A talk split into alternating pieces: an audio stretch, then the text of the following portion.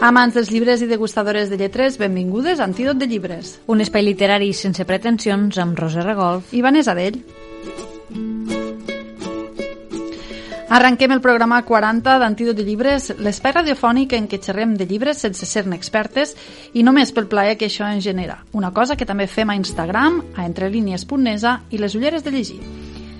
Per celebrar-ho no us hem portat tapastes, però ens podeu acompanyar parlant de la Spooky Season, la temporada més terrorífica de l'any, que culmina amb una data que ja tenim ben a prop, el 31 d'octubre, dia de la castanyada. La tauleta de nit. Què tens a la tauleta de nit esta setmana, Roser? Mentre estic a punt d'acabar Creix un arbre a Brooklyn de Betty Smith, he començat Matrix de Lauren Groff. Esta novel·la, publicada en català per l'altra i en castellà a càrrec de Lumen, ens parla de Maria de França, qui amb només 17 anys va ser expulsada de la cort de Leonor d'Aquitània per fer-se càrrec d'una abadia anglesa on regnava la misèria i la malaltia. Serà allí, entre les monges, on esta jove rebel s'entregarà a la vida col·lectiva i compartida i l'efervescència de la natura i un seguit de visions místiques l'ajudaran a trobar l'equilibri i la força per encarar-se un món governat per homes. Penso que bé, porto molt poquetes pàgines, però penso que pot ser una novel·la poderosa. He llegit molt bones crítiques. Sí, jo també he llegit molt bones crítiques. Era una, una novel·la que no m'atreia gens. He llegit un parell de crítiques per Bookstagram m'ha cridat molt l'atenció.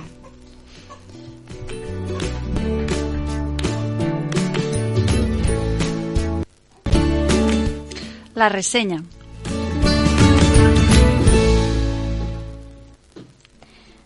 Avui vinc a parlar-vos d'un clàssic de la literatura anglesa del segle XIX, que la veritat, ja només llegint el títol podem veure que s'escau a la perfecció amb el tema del programa.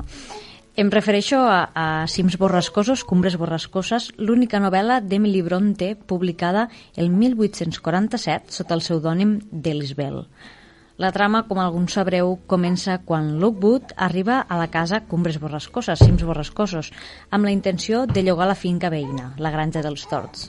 En este context, una aparició desperta una rebuscada història d'odi, rancúnia i venjança que envolta el propietari del lloc, en Heathcliff, explicada amb la veu de la majordoma Ellen Dean.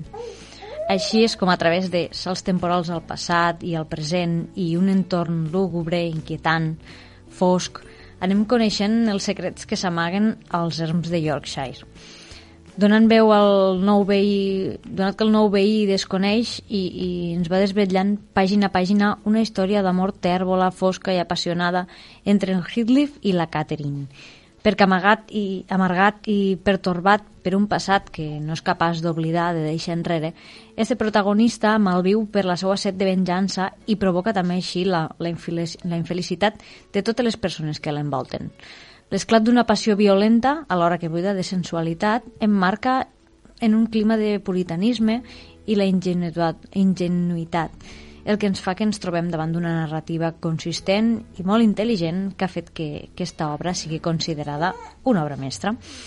Lockwood, Catherine, Ellen, Heathcliff... He de confessar que al principi, quan vaig començar a llegir este llibre, a més era un dels primers clàssics que llegia, igual me vaig tirar a la piscina llegint de repent eh, este clàssic, no? sent el primer, me va resultar complicat entrar a la història però la veritat és que, bueno, una vegada va estar al meu imaginari, acceptant també que, que no empatisarien els personatges ni que tampoc trobaria una història d'amor convencional, va començar a agradar-me la història, vaig començar a posar-me dins. I una vegada vaig arribar a imaginar-me pels paratges de Yorkshire, no? vaig acabar caminant al costat de Dean o vigilant des d'una finestra els camps verds de, de Yorkshire banyats per la constant humitat. Això sí, eh, mai vivint al costat de, de la majoria dels personatges d'esta de, història que qui, qui la coneixeu ja, sabreu que qui més qui menys no, està una mica trastornat i, i acaben fent por si els has de posar dins a casa teua. El debat.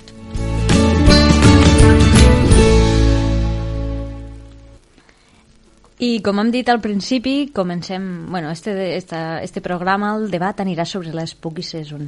Spooky Season, que és esta temporada que comença l'1 d'octubre i acaba el dia 31 del mateix mes, on tot Instagram no? i al final tot el món d'internet se plena de, de coses terrorífiques, de decoracions, de carabasses més ambientat potser en Halloween, En no, Halloween, Vanessa? Sí.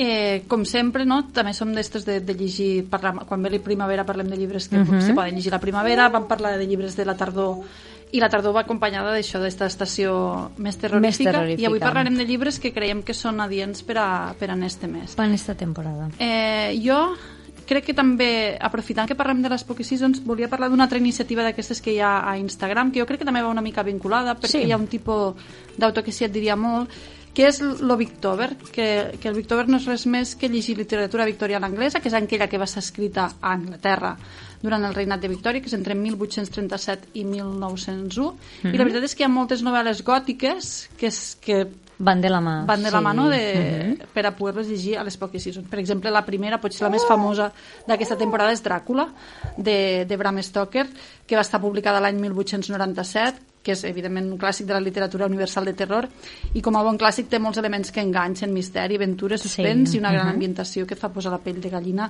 en més d'una ocasió. Jo el vaig llegir l'any passat per les Pocket Seasons, precisament, durant octubre, i és un llibre que no descarto tornar a llegir, perquè la veritat és que em va, vaig gaudir molt i em va sorprendre molt la seva lectura. A més, ara el podem, el podem llegir en, Hmm. en català. També, com comentaves, se diu a l'Spook Season i al Victober, no?, les, les històries de, de les germanes Bronte, com Sims Borrascosos, que és el que acabo de ressenyar, d'Emily, o Jane Eyre, de, de Charlotte Bronte. Altres històries que, que se diuen una mica en esta temporada. Jo dels que he llegit aquest any eh, recordaria un de, de Bruixes, és Dones al marge i Bruixes i altres històries de Sting My Oblit de, de l'autora Ivet Eroles. És un llibre que no, no ens fa por, diguéssim, no seria terrorífic, però sí que ens parla d'aquestes dones estigmatitzades, no? de, de les bruixes. I a més ens parla de, de casos reals de dones que, bé, pues que han sigut perseguides per ser considerades bruixes, quan al final eren dones molt intel·ligents. Dependents, dependents ne tinc moltíssims que es podrien, se podrien adherir a, en, esta, en esta temporada, no? a l'Spooky Season. Vull llegir eh, aquest any ja el vaig comprar l'any passat per a llegir-lo també per la castanya del final, entre coses i altres no, no vaig poder. És la, la maledicció de Hill House de Shirley Jackson, un clàssic que sí que he vist la sèrie de Netflix, em va agradar molt, inclús vaig veure la, la següent, la, la maledicció de Bly Manor, també a Netflix, però el llibre el tinc molt pendent i, i espero poder llegir-lo esta castanyada. Dràcula com dia Vanessa, també el tinc encomanat a, a la llibreria, ara que el que tenim en català, i, i espero, espero poder llegir-lo. I si hi ha uns, un, un recull que també vaig descobrir fa, fa ben poc, que es diu Dames Oscures, de l'editorial Impedimenta. Són 20 contes de, fas, de fantasmes escrits per autores victorianes, també podríem, podríem ficar-ho en aquesta categoria, no?, d'autores victorianes, i trobem contes de fantasmes escrites per autores clàssiques que coneixem bé, com Charlotte Bronte, Elizabeth Gaskell, Margaret Oliphant o, o Willa Carter, entre altres menys conegudes. Eh? I un dels llibres també que sempre es recomana per a, per a esta temporada i que jo també tinc pendent, inclús el tinc reservat a la biblioteca, és Rebeca d'Abdu Maurier, és una autora que tinc, tinc molt pendent, l'he vist molt per Bookstagram, Vanessa també l'ha recomanat moltes vegades aquí i, i crec que pot ser una bona aposta. No arribaré enguany a, a llegir-lo, això segur, però la segueixo tenint, tenint molt pendent. Una autora més actual, que crec que la, la lectura d'aquest llibre també he vist que, que, que fa por, la veritat.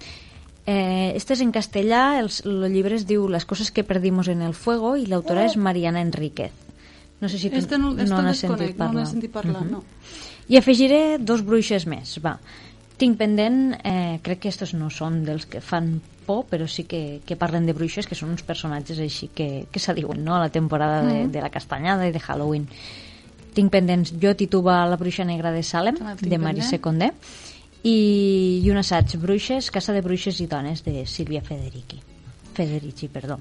I jo, si et sembla, afegiré llibres que també tinc pendents, que no sé si arribaré a llegir aquestes pocs, si són perquè en tinc, tinc molts llibres pendents, però que, que els tinc a la prestatgeria esperant-me, un també de Dafne du Maurier, Mhm. en aquest cas La Pomera i altres contes, que és un recull de contes publicat per les altres herbes, els contes d'Edgar Allan Poe, també un clàssic Sí. no? de, Mhm. de la literatura universal, eh, que també s'ha dit molt per en aquesta temporada. Un altre clàssic, en aquest cas de la literatura espanyola, Emilia Pardo Bazán, té una, un petit llibre que diu la, Mhm. cita, la cita i otros cuentos de terror, editat per Nòrdica, en il·lustracions que el tinc des de l'any passat, en la voluntat de llegir-lo l'any passat Sí, no el vaig llegir, com les coses que mos passen, i a veure si el puc... De fet, jo crec que és l'únic que podré llegir enguany perquè són contes i no és molt, molt llarg. Molt bé. I llavors un altre clàssic, este potser el deixo per al novembre, perquè que el mes d'octubre sigui les poquessis no vol dir que només haguéssim de llegir No. terror a l'octubre, que és Stephen King, no? també el, el mestre de, del terror, i en este cas els tres clàssics d'ell, n'he de molts, eh? però els que jo sé de més renom, Misery, It o El Resplendor. Jo crec que si començo per algun serà per Misery, perquè tant It com El Resplendor em fan una mica de, Respecte, de, de massa respecte. Un perquè són molt llargs i l'altre perquè potser em passo de terror, que jo tampoc no sóc molt de terror. A veure si després no podrem dormir per Sí. la nit. Ara que parlaves de, de clàssics pendents, a mi em ve al cap també Frankenstein de, Sí. de Mary Shelley. El tinc, el tinc comprat per a l'e-book Mm? i, i allí està. Un altre clàssic d'estos que a mi em va sorprendre moltíssim Bueno, si sentim, direm als que ens escolten que si senten plorar és perquè avui he vingut acompanyada a Són, la, no, no són fets paranormals en este programa Jo he vingut acompanyada avui a la ràdio i se- s'està enfadant. de terror.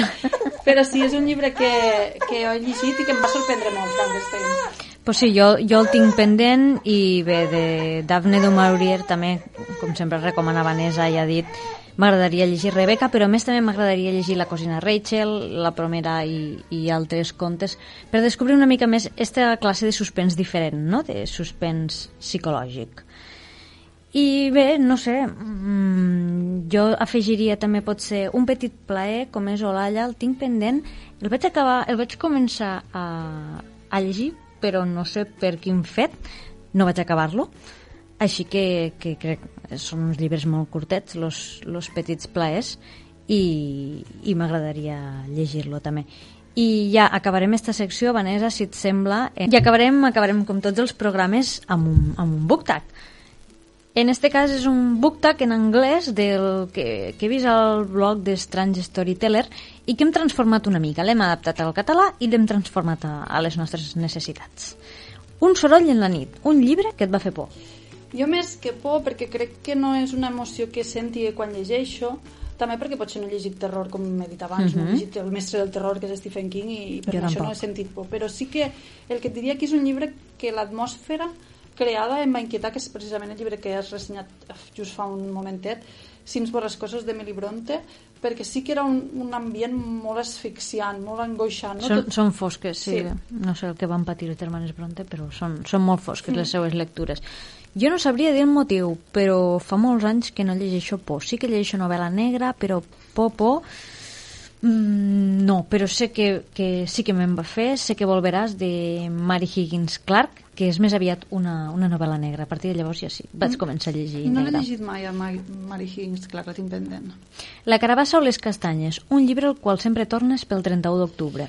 També ho he dit més d'una vegada, jo no, no sóc de rellegir, mm. però és probable que si no enguany l'any que ve torni a rellegir Dràcula, este clàssic que parlàvem abans, també amb l'edició del Club Victòria en traducció al català, perquè és un llibre que la veritat em va sorprendre molt, com deia abans, i poder-lo llegir en aquesta edició i el traduït al català, Sí. crec que serà una bona experiència. Jo també em sumo a tot el que has dit tu, no? Tampoc rellegeixo hi ha tantes obres noves que al final no et dona temps de, de rellegir res, però sí que d'aquí un temps, d'aquí uns anys, voldria tornar a llegir Cims borrascosos Sí. en català. Sí, probablement també seria un altre llibre que m'agradaria llegir, perquè També. a més jo el vaig llegir una, una Jo traducció també. que no era gaire bona, Jo també vaig llegir una edició que era costosa, per, per això potser em va costar Sí. entrar al llibre al, al principi. Gats negres, un llibre que t'encanta i està ple de màgia. El nom del vent de Patrick Rothfuss. Jo canto jo i, i la muntanya balla, d'Irene Solà. Demonis i fantasmes, un llibre que encara et persegueix. Me persegueix en, en el bon sentit, eh, de, Vale. de la paraula, no en el mal sentit. I seria un dels que tu dies abans que tenies pendent, Mm. Rebeca, de Dafne du Maurier. Jo, Lluna Vella, de Maria Sardans. És una història que posa els pèls de punta Sí. i a vegades quan veig el llibre me ve al cap la història, no? Hi ha Sí. llibres que els oblides gairebé, però aquest... Aquí a la portada té una calavera. Té, és, és, com la, és com la mort, és com la Era, parca. és un llibre que jo el tenia que tindre girat perquè ma filla, la, la gran, quan el veia per casa li feia temor la Li portada. feia por. I havia de girar... La història també posa Sí, els pèls de sí, sí. punta. Els zombis, la teva criatura sobrenatural preferida que has llegit un llibre. Gollum, del Senyor dels Anells, de, de Tolkien. Jo, les bruixes, mai són tan dolentes com se les ha volgut Correcte. pintar. Tots els llibres que he llegit m'han ensenyat això.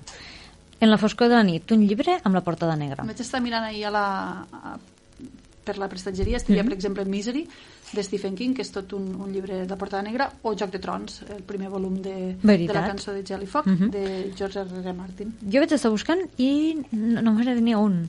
I és l'edició que tinc d'Aliança de Cumbres per Rascoses.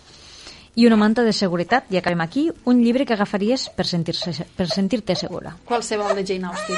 Jo ja l'he dit mil vegades, però Canción del ocaso de Lewis Grassic Gibbon, o podria afegir ara també Creix un arbre a Brooklyn. Crec que pot ser un bon llibre refugi de, de Betty Smith.